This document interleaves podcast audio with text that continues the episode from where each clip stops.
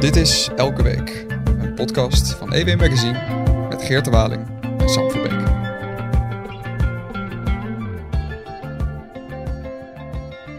Goedemorgen Geert, hè? Hi Sam. Ik kwam net uh, een stapel tegen, een doos, kortom de doos. En er zaten verse, verse EW's in, verse Elsevier's van de drukkerij. En ik haalde daar een blad uit en het is uh, een grote uh, rode cover deze week met een explosie erop en een grote tekst. Hoe een plofpartij te voorkomen. Dus ja, dat wil ik dan wel even weten wat het coververhaal van deze week inhoudt.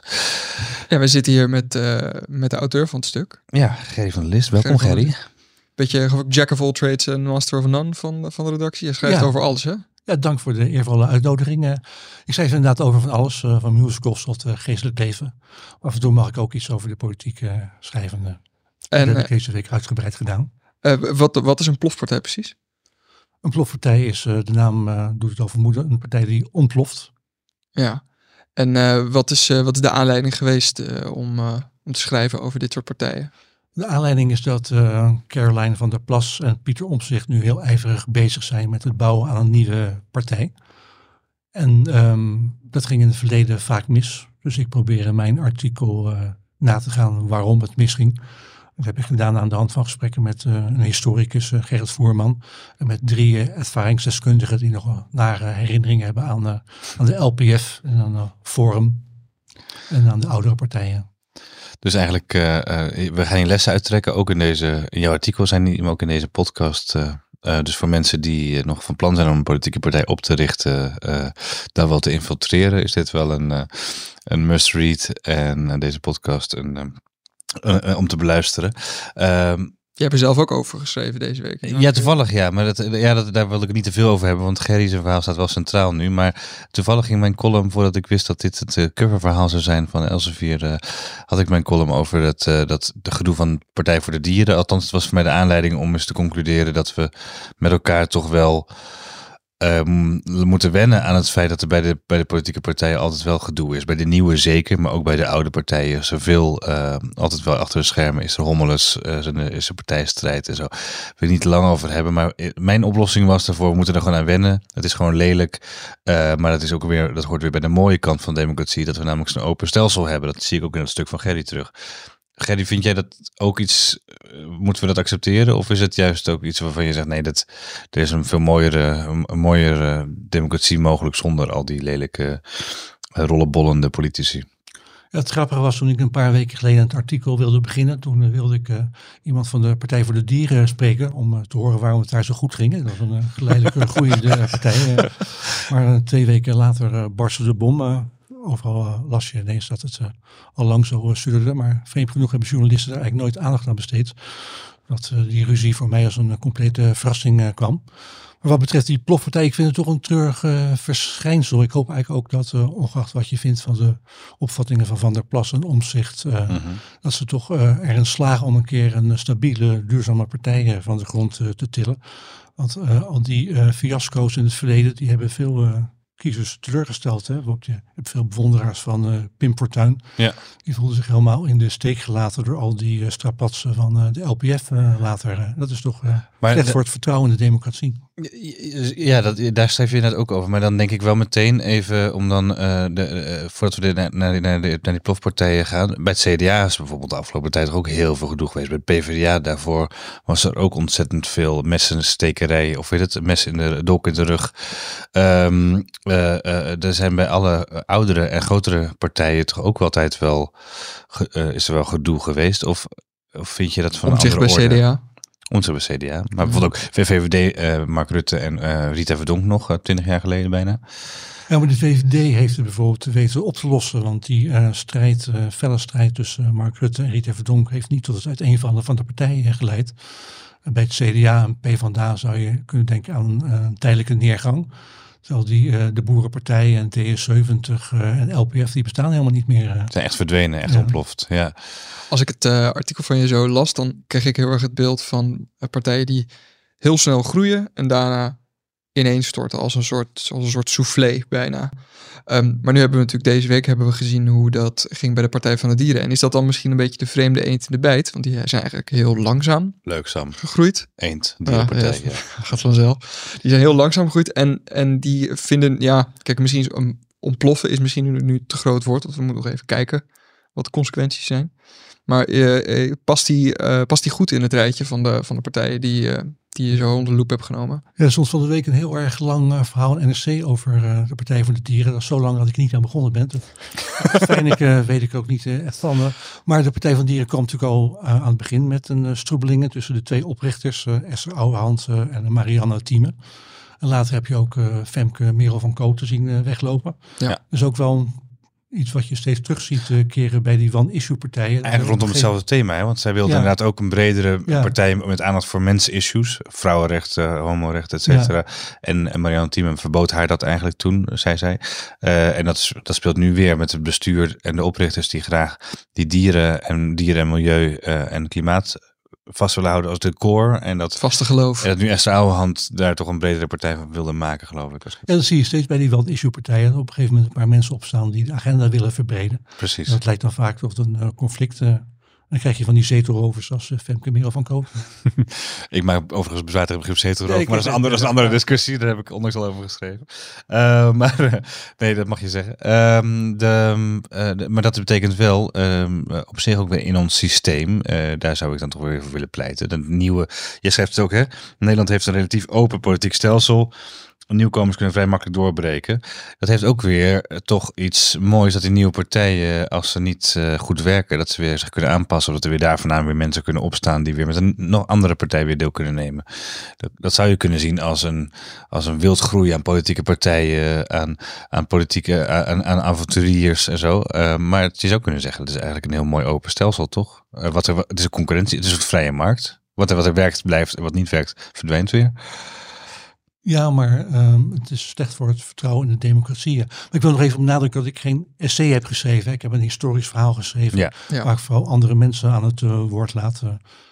Nou, misschien kunnen we het daar even over hebben. Want in een aanzienlijk deel van het stuk gaat over de rol die charismatische leiders eh, spelen in die hele snelle opkomst. Eh, Pim Fortuyn, maar ook Thierry Baudet. En misschien ook wel, ehm weet je ook weer, eh, van, de, van de oudere partij. eh Henk, Henk Krol. Henk Krol. Ja, zeker, ja. Eh, ehm, daar zit ook meteen een, eh, tenminste die omschrijft dat er ook een, een frictiepunt in kan zitten. Kan je daar iets meer over op ingaan? Ja, dat zie je eigenlijk dat al die doorbraakpartijen het succes vooral te danken hebben aan één persoon. Een doorgaans man. Dat zag je al bij Boer Koekoek. eh, later eh, bij wordt, de jonge Drees met DS70. En zeker natuurlijk bij, eh, bij Pim Fortuyn en de LPF. En op een gegeven moment, eh, die mensen dulden weinig tegenspra- tegenspraak. Dus dat kan altijd tot conflicten leiden. Ze hebben ook eh, geen organisatie die eh, kan geven. En er zijn allerlei redenen waarom het mis kan gaan. Ze kunnen bijvoorbeeld aan glans eh, verliezen. Dat ging bijvoorbeeld bij Boer Koekoek. die werd steeds vreemder en er werd ook steeds vreemder gevonden. Of ze moeten vuile handen maken, zoals de jonge Drees. Die ging in een kabinet zitten, waardoor die allerlei compromissen moest sluiten.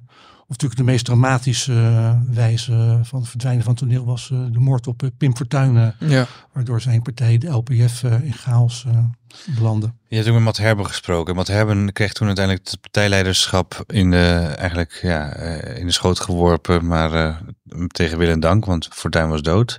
Hij heeft toen die partij geprobeerd te leiden. Dat is helemaal misgegaan. Hè? Eh, misschien dat het wel goed is, omdat dat is nu eh, ongeveer twintig jaar geleden, om daar nog even bij stil te staan. Wat er toen gebeurde. De partij kreeg alsnog 26 zetels, eh, een paar weken na de dood van, eh, na de moord op Fortuyn. Dus nummer één was er niet meer, maar de partij was wel in één klap eh, de grootste, of de ene grootste. CDA was geloof ik de grootste Ja, partij. eh, Balkenende. Balkenende werd premier. althans formeerde een kabinet met LPF. Daar zaten een paar hele goede types tussen. Fortuyn had eigenlijk al nog bij leven die selectie gemaakt van een, van een, van een kerngroep van mensen. Ja, Fortuyn liet zich al zelf al vrij denigrerend eh, uit eh, over eh, zijn lijst. Kijk, Matt Herbe benadrukt in het stuk dat er veel goede mensen tussen zaten. Ja. Die zaten ook op een lokaal niveau wat hebben gepresteerd. Wijst ook op mensen als Eduard Bomhoff en Ja. Herman Heinsbroek, die ministers waren. Maar ook die kandidatenlijst zag er erg vreemd uit. Je hebt bijvoorbeeld op de vierde plek had je voormalig eh, fotomodel uh, met een bipolaire stoornis, Winnie de Jong. Winnie de Jong, ja. En op twee had je een oude tennisleraar, uh, die alleen vanwege zijn huisleur volgens mij was uh, geselecteerd. dus er zaten veel, ja, dus er zaten veel zwakke broeders en zusters tussen. en Matt Herbe beweert dat als Fortuyn was blijven leven, dat hij de boel ja, bijeen had kunnen houden. Maar ja, dat weet natuurlijk nooit Fortuyn is niet echt bekend als een, uh, een teamplayer en een teambuilder. Uh, dat was nooit weten. Dat was misschien een tijdje was zijn charisma inderdaad nog een uh, of, en zijn persoonlijke karakter was misschien nog een reden geweest om uh, voor die mensen om zich bij die partij te, te, houden. Maar wat er gebeurde na zijn dood viel die partij ging nog wel meeregeren in het kabinet Balkenende 1, maar viel uiteindelijk behoorlijk uiteen. Ze hadden nog de staatssecretaris Filomena Bijlhout die kortzittende staatssecretaris ooit was. Uh, omdat zij uh, had gelogen over haar militaire achtergrond in Suriname. Suriname ja. um, er waren alle, eh, die, die Bomhof en, en, Rijnsbroek, van, van, en Heinsbroek die je net noemde, die waren misschien persoonlijk wel goed, maar onderling uh, kan ik me nog slaande ruzies herinneren met, met een belletje, belletje. Uh, in de ministerraad. Um, dat was toch vrij, vrij dramatisch. Um, wat zijn eigenlijk, eh, om daar meteen maar eventjes voor het geval van die eh, LPF naartoe te gaan, wat, wat, wat, wat, eh, wat heeft, wat heeft uh, Herbe eigenlijk daarvan geleerd en wat zou hij, wat zou hij nu anders doen? Ja, Matt Herbe benadrukt het belang van discipline en loyaliteit. die kun je natuurlijk moeilijk afdwingen. Hij had ook te maken met vrij veel zakenmensen. LPF toch veel mensen uit het bedrijfsleven aan. maar die mensen laten zich niet sturen van bovenaf. die vinden ook alles zelf wel te, snel te langzaam gaan. Ja. Ze zijn erg ongeduldig. Dat er toen conflicten tussen. Dat zie je al vaker met mensen uit het bedrijfsleven, dat die niet kunnen aarden in, eh, in de politiek en dus geen goede politici zijn. Maar wat LPF uh, vooral leert is het belang van uh, goede screening en recrutering. Dat je een Henk Otte een van de medeoprichters van Forum voor Democratie, die heeft een tijdje nog rondgelopen in de LPF. Dat is ook zo'n zakenman, toch? Dat is ook... Ja, maar die heeft daarvan geleerd dat uh, je vooral mensen goed moet screenen en recruteren. Die is er ook al een jaar lang uh, mee bezig geweest met de speed days en allerlei uh, hotels in, van Van der Valk. Toen hij eigenlijk FVD groot aan het maken was. Forum voor Democratie aan het ja. organiseren was, ja. Dat heeft hij eigenlijk heel. Dat, uh, dat hebben veel mensen niet gezien. Maar Baudet zat daar, was er wel bij betrokken. Maar eigenlijk was Henk Otter de grote man achter de schermen. die alle sollicitaties deed en heel kritisch was. Hè? Uh, ja, want hij mikte ook op wat hij de middel-upper class noemt. Dus uh, advocaat en hogere ambtenaren, medici. Die moet je echt uh, meekrijgen om iets te veranderen, beert hij. dus hij ergerde zich dan aan, aan Baudet, die dan allerlei rare cijfers en filosofen wilde bij betrekken. Want, uh, was een uh, fervente, is een schaker, dus die wilde er graag een schaker bij. Ja. Dus kwam uh, Loek van Wely in de Eerste Kamer, die volgens mij nog nooit iets gezegd heeft daar in de Senaat. Gewoon combinaties te denken. En, en een, deelraad, of een duo-raadslid, Adrien de Boer, die is inmiddels partijvoorzitter van ja 21 ja, geworden, maar die, die kwam bij FVD op de lijst omdat hij goed gitaar kon spelen. Ja, die kon een beetje gitaar spelen volgens Baudet. Dus dat is ook een Past mooi bij zijn piano. Ja. Ja. Maar, maar de, um, je zegt, ik heb een historisch verhaal geschreven, geen essay natuurlijk, maar je hebt hier wel toch ook een eigen kijk op in de zin van, je, je vindt het wel vermakelijk, uh, lijkt het, uh, dit soort verhalen. Zou, het is ook een beetje een soap, toch? Of, of ben ik nou, is dit nou te veel journalistiek? Nou, ik ben ook wel een beetje teleurgesteld in een vorm van democratie, want eigenlijk leek het een schoolvoorbeeld van hoe het moet. Hè. Ze hadden een actieve ledenbeweging. Ja. Veel leden. Ze hadden actieve jongerenbeweging. Hadden een wetenschappelijk instituut. Ze hadden interessante boeken. Ze hadden originele online campagnes hadden hele leuke optredens in het land. Ik heb uh, Leiden Bodeno al zien optreden met Theo Hiddema. Dan zag je een hele zaal vol uh, jonge mensen. Er hing een sfeer omheen, energie ook. Ja. ja. dat werd heel zorgvuldig opgebouwd. Ja. Het, het, jaren daarvoor in, zag je ze al op social media, werd het echt een merk. Wat, wat mensen, al kenden, mensen al kenden. Dus dat zag er erg uh, heel goed uit. maar toen ging het dus mis tussen Otte en Baudet. En toen stortte de boel in elkaar. Wat de vraag is of het een plofpartij is, want ja. Uh, Forum zal nog steeds wel een aantal kiezers blijven trekken. Bulkt ook van het geld eh, trouwens. Nou, in dat opzicht inderdaad, ze zullen nog even blijven. Dat zegt Otte ook in jouw artikel.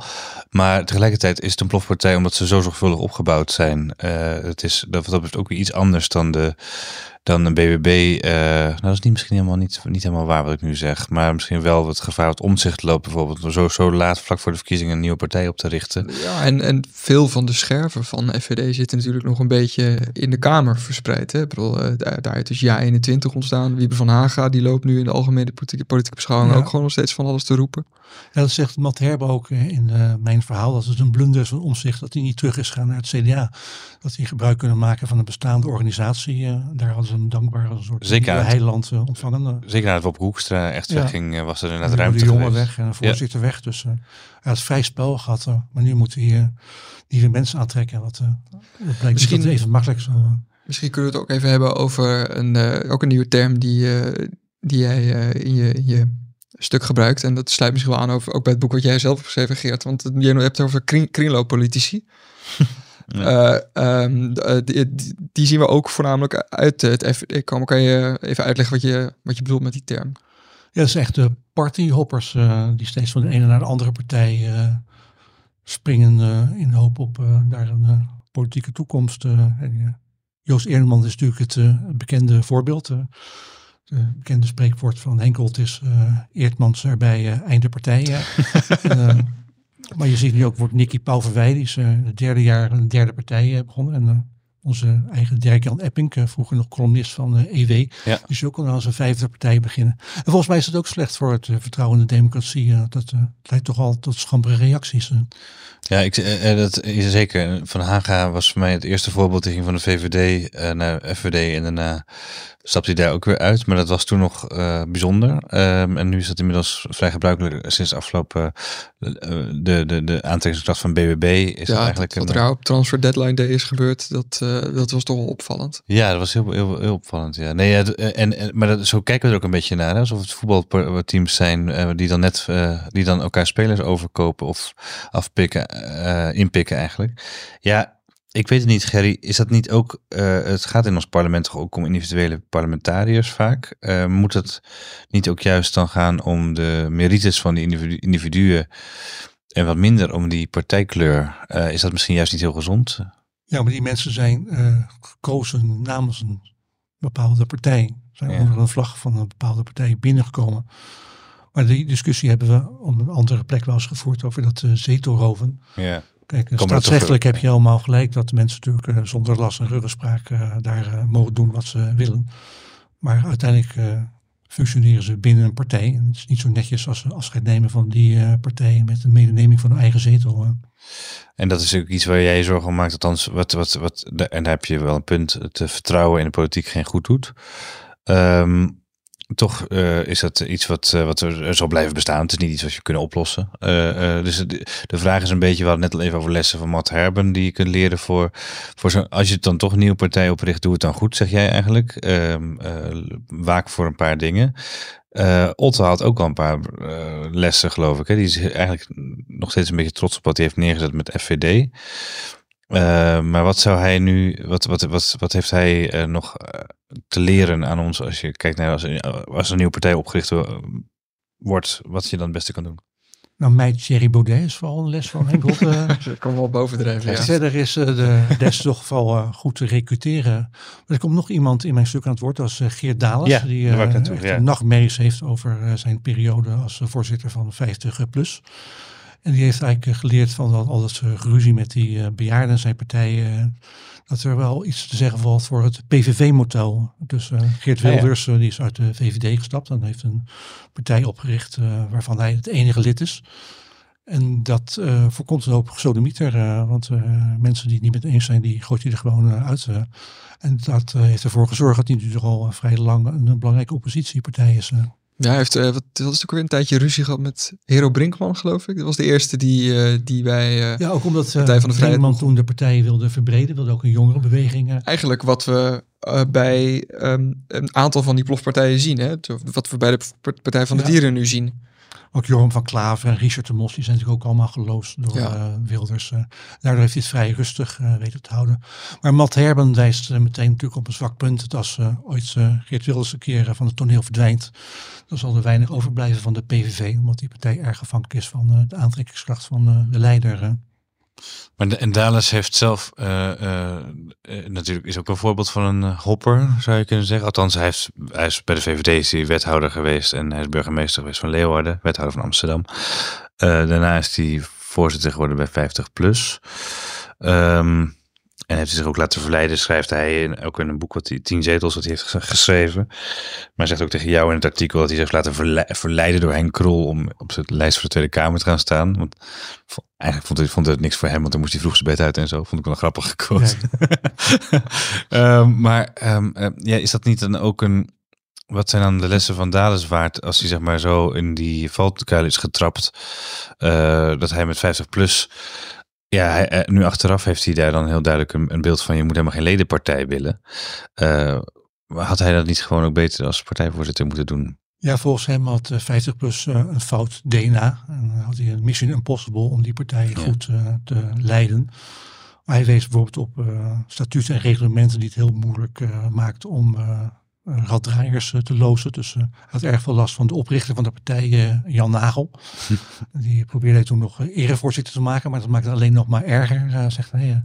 Dus uh, zegt Dales ook, je kunt ook gewoon een pech hebben. Dan heb je mensen als je Jan Nagel in je partij. Ja. Terwijl Jan Nagel toch wel aardig wat partij... Die heeft wel verstand van partijen oprichten natuurlijk. Ja, maar als ik af mag gaan eh, op eh, het eh, relaas van eh Dales, was het een enorme intrigant en vooral aan stoken achter de schermen. Is dus kritiek het op. oordeel van uh. Maar je kunt, Ja. oh, maar, oh, je kunt wel partij oprichten, maar ze ook eh, in stand houden. Niet, Ja, nee, dat is, dat is waar. Ehm, Waar trouwens rechtse partijen ook vaak over klaar is over de behandling door eh, de pers. ja, dat was net, Herbe ging nou, er uitvoerig op in. Dus, eh, grappig dat je NRC daarover begint. eh, Ja. mensen op hem afstuurde om te kijken of hij niet aan de drank en de drugs was. En eh, het valt veel te moppen over eh, de Telegraaf. Dat was eh, toen in de tijd van de LPF, had je daar Kees Lunshoff was uh, adjunct hoofdredacteur en de, Vlaamse verslaggever in Den Haag. En die had een enorme pest aan uh, Fortuin en uh, LPF. En die uh, heeft, uh, dat was een nagel aan de doodskist van de LPF, zegt uh, Herben. Maar later zie je natuurlijk ook wel zo'n kwaliteitskant als NRC, dat die echt uh, nooit iets positiefs over uh, Forum voor Democratie heeft kunnen schrijven. Echt, Nee. Voortdurend op jacht naar negatief nieuws, naar strubbelingen en naar problemen. Nou, ja, een beetje een hetsen eigenlijk. Of Ja. een, eh, eh, eh, en dat is wel interessant, want ik geloof dat het ook Herben is die het zegt. Maar in jouw artikel van ja, het twee derde van de Nederlandse, van de kiezer en ook van de Tweede Kamer zou je centrumrechts kunnen noemen, toch? Centrumrechts of rechts. Ja, dat is de tragiek die Herben benoemt. Dus dat je 80, 90 zetels hebt voor een centrumrechts uh, beleid. Dat steeds een linkse minderheid toch door die verwarring aan de rechterzijde dan de dienst uitmaakte. Zie je het nu ook niet weer? Er was even wat versplintering op links, als je het zo kan zeggen, met, met bijeen um, en met Partij voor de Dieren, GroenLinks en PvdA, allebei relatief klein natuurlijk. Maar zou je niet kunnen zeggen dat nu met, wat, wat er nu gaande is, en D66 loopt er terug, is het ook een linkse partij als je het zo bekijkt, dat juist nu Timmermans met de Verenigde Linkse Coalitie uh, uh, misschien perfect in het zadel zit. Nou ja, dat links verenigder is dan, dan lange tijd het geval is geweest, zou je kunnen zeggen. Of is dat... Ja. ja, mensen als Otten die uh, zitten ook te tobben van wat moet ik nu stemmen om Timmermans uit het torrentje te houden.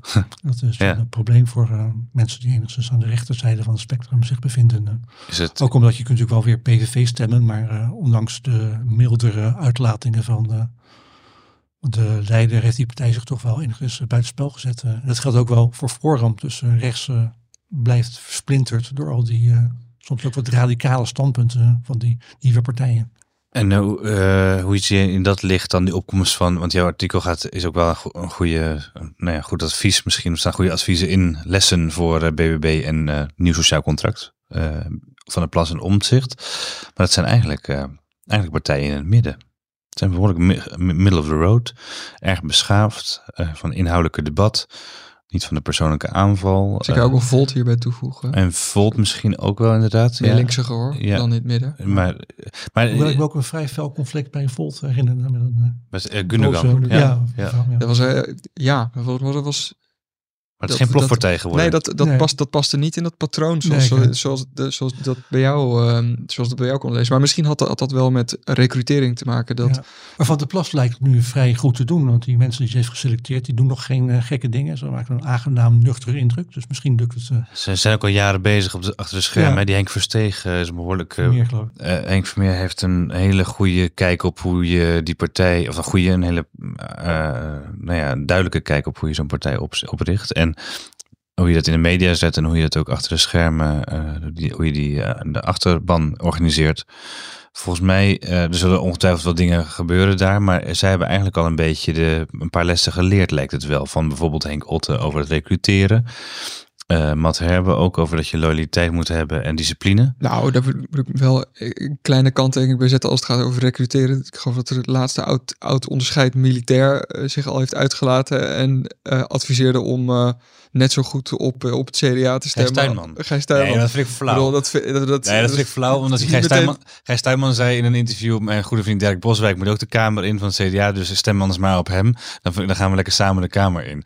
Dat vond ik een, eh, dat is uit context ge- gehaald. Het was niet zo'n handige uitspraak natuurlijk. Als je in de politiek zit, moet je niet zeggen stem maar op een andere partij, maakt allemaal niet uit.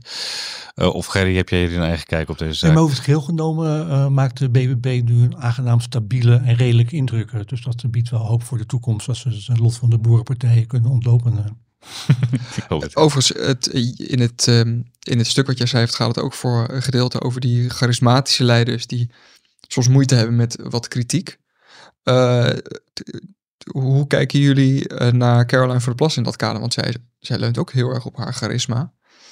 En zij zat laatst bij op een met Mona Keizer aan tafel, die toen eventjes, geloof ik, per ongeluk zei dat ze het partijprogramma nog niet gelezen had.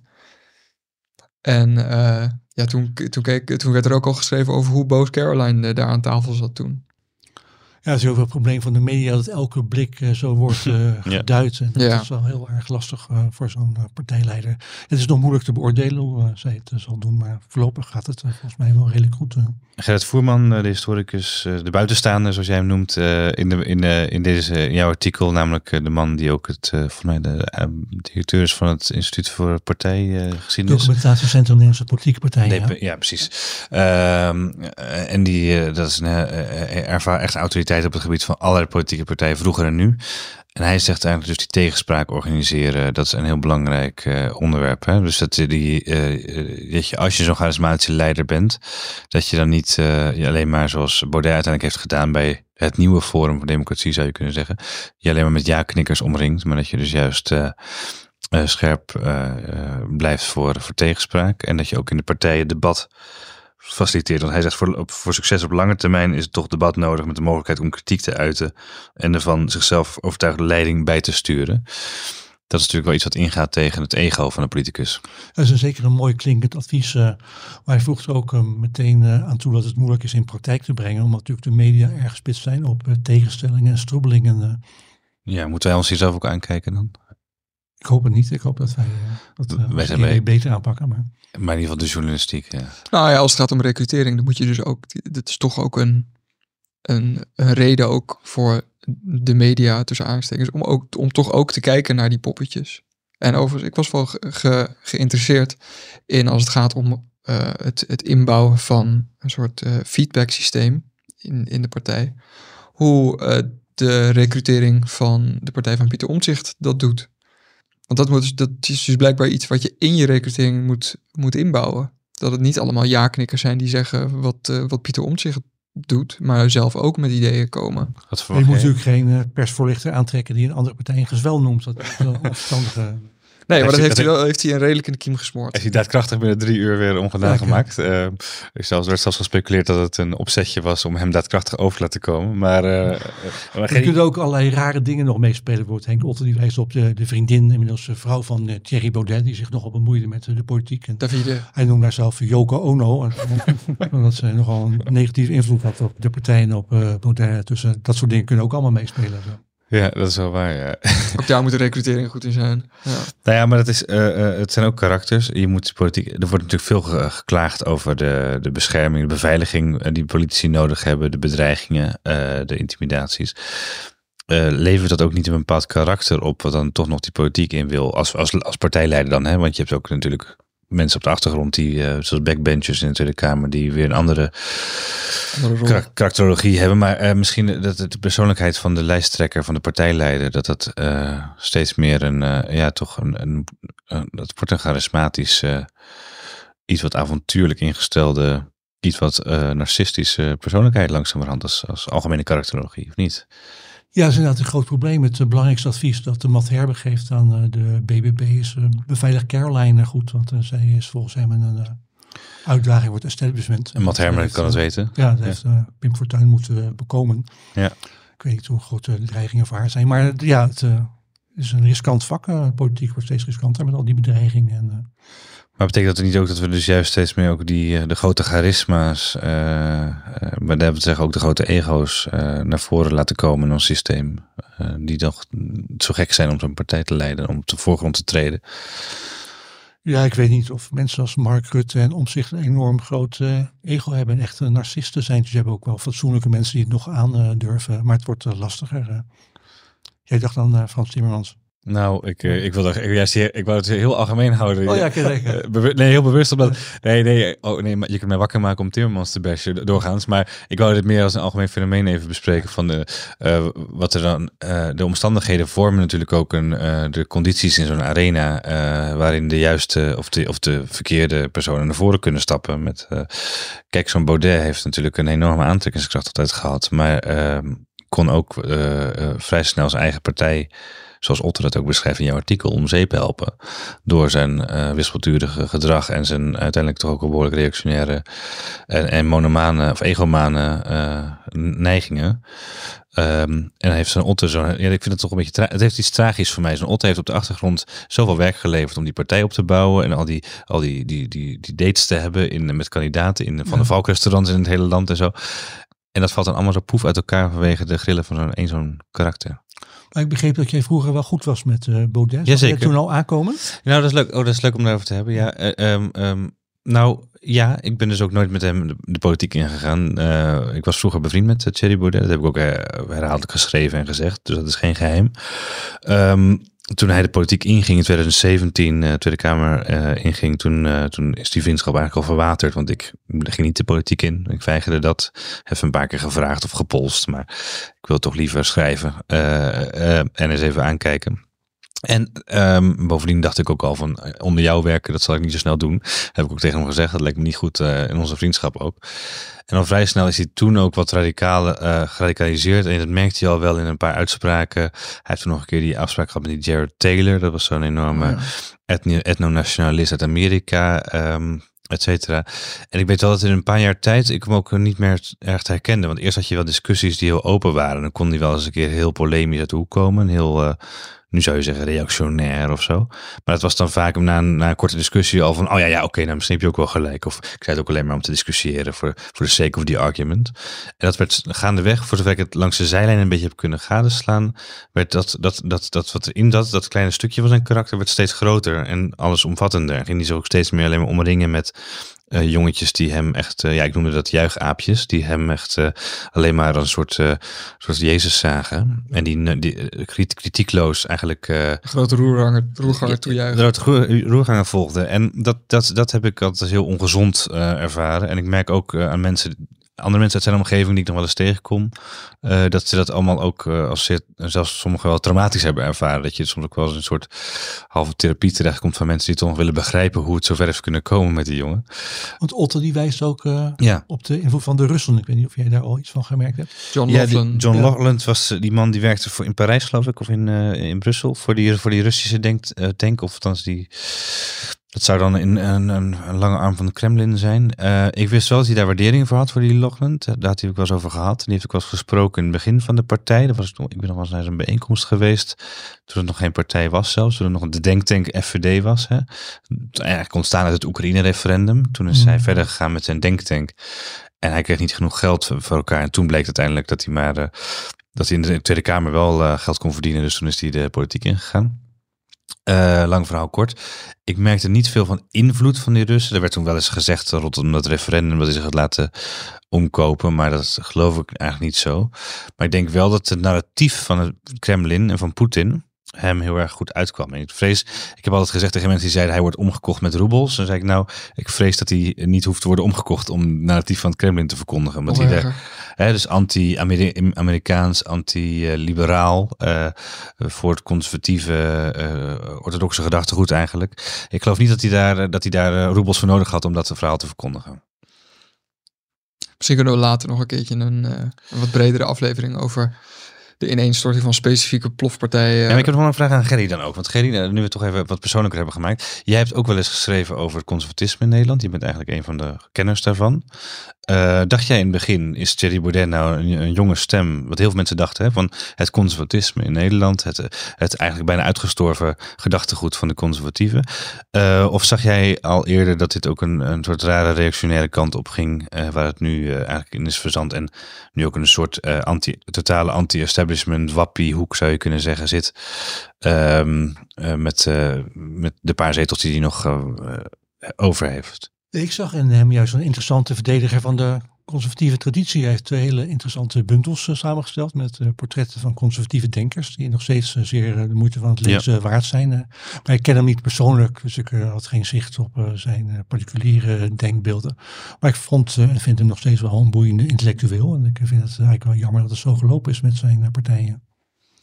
Denk je dat hij in de Tweede Kamer nog, uh, dat hij nog, nog mensen kan boeien met zijn, of dat hij nog weer, dit, dat hij misschien nog kan terugkeren op een soort, uh, toch een oud-conservatief spoor? Of is dit gewoon een, uh, een gedane zaak? Dit is, Nou, ik denk dat hij toch wel te ver van de weg van het gezonde verstand is afgedwaald.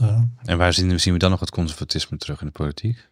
Nou, dat zien we nu toch wel weer herleven bij omzicht en ook wel bij de boer-burgerbeweging, die toch zeker ook wel inhaken op de christendemocratische traditie.